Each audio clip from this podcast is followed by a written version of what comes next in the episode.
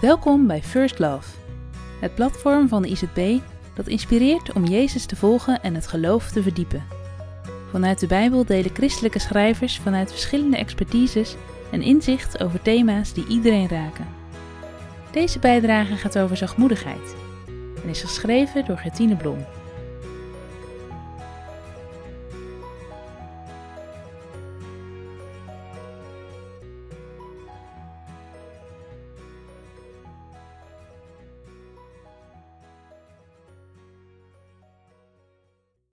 Maar de vrucht van de geest is liefde, vreugde en vrede, geduld, vriendelijkheid en goedheid, geloof, zachtmoedigheid en zelfbeheersing.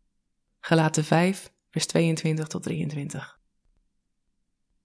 Een van de zachtmoedigste mensen die ik ooit heb ontmoet was een vrouw die iedere dag eenzaam in haar leunstoel doorbracht, rokend en tv kijkend. Ze had veel pijn, kon niet meer naar buiten en was na een moeizaam leven alleen overgebleven. Ze had alle reden om kwaad te zijn op de wereld en om niemand meer te vertrouwen. Maar ze was zacht. Dat merkte ik meteen, de eerste keer dat ik haar ontmoette. Ze had medeleven met degenen die het zwaar hadden. Ze kon onrecht niet aanzien. Hoe eenzaam en ziek ook, haar hart stroomde over van liefde. Het was niet moeilijk om te ontdekken waar dat vandaan kwam. Ik hou van Jezus en hij van mij, zei ze vaak. Straks in de hemel ren ik naar hem toe om hem te knuffelen. Ik denk dat daar zachtmoedigheid begint. Niet alleen bij haar, maar bij iedereen.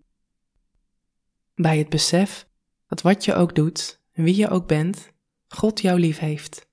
Dat het niet uitmaakte waarin je faalde of wat je tekortkomingen zijn, omdat er genade is voor jouzelf en voor ieder ander mens.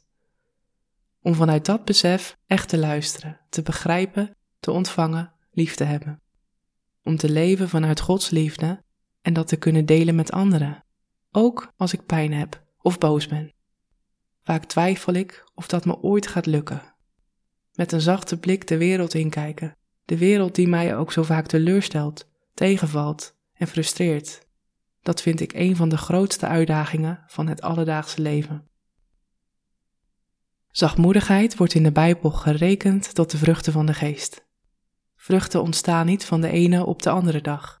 Ze beginnen klein en groeien langzaam. Er is tijd en licht en voeding voor nodig. Het is denk ik ook niet voor niets dat ik bij het woord zachtmoedig allereerst moet denken aan oude mensen. Bij hen heeft zachtmoedigheid een leven lang kunnen groeien.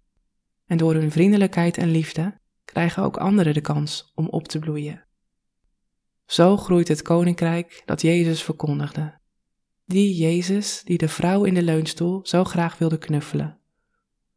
Hij zegende zachtmoedige mensen in zijn bergreden.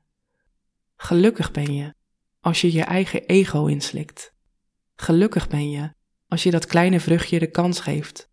Gelukkig ben je als je met een zachte blik de wereld inkijkt.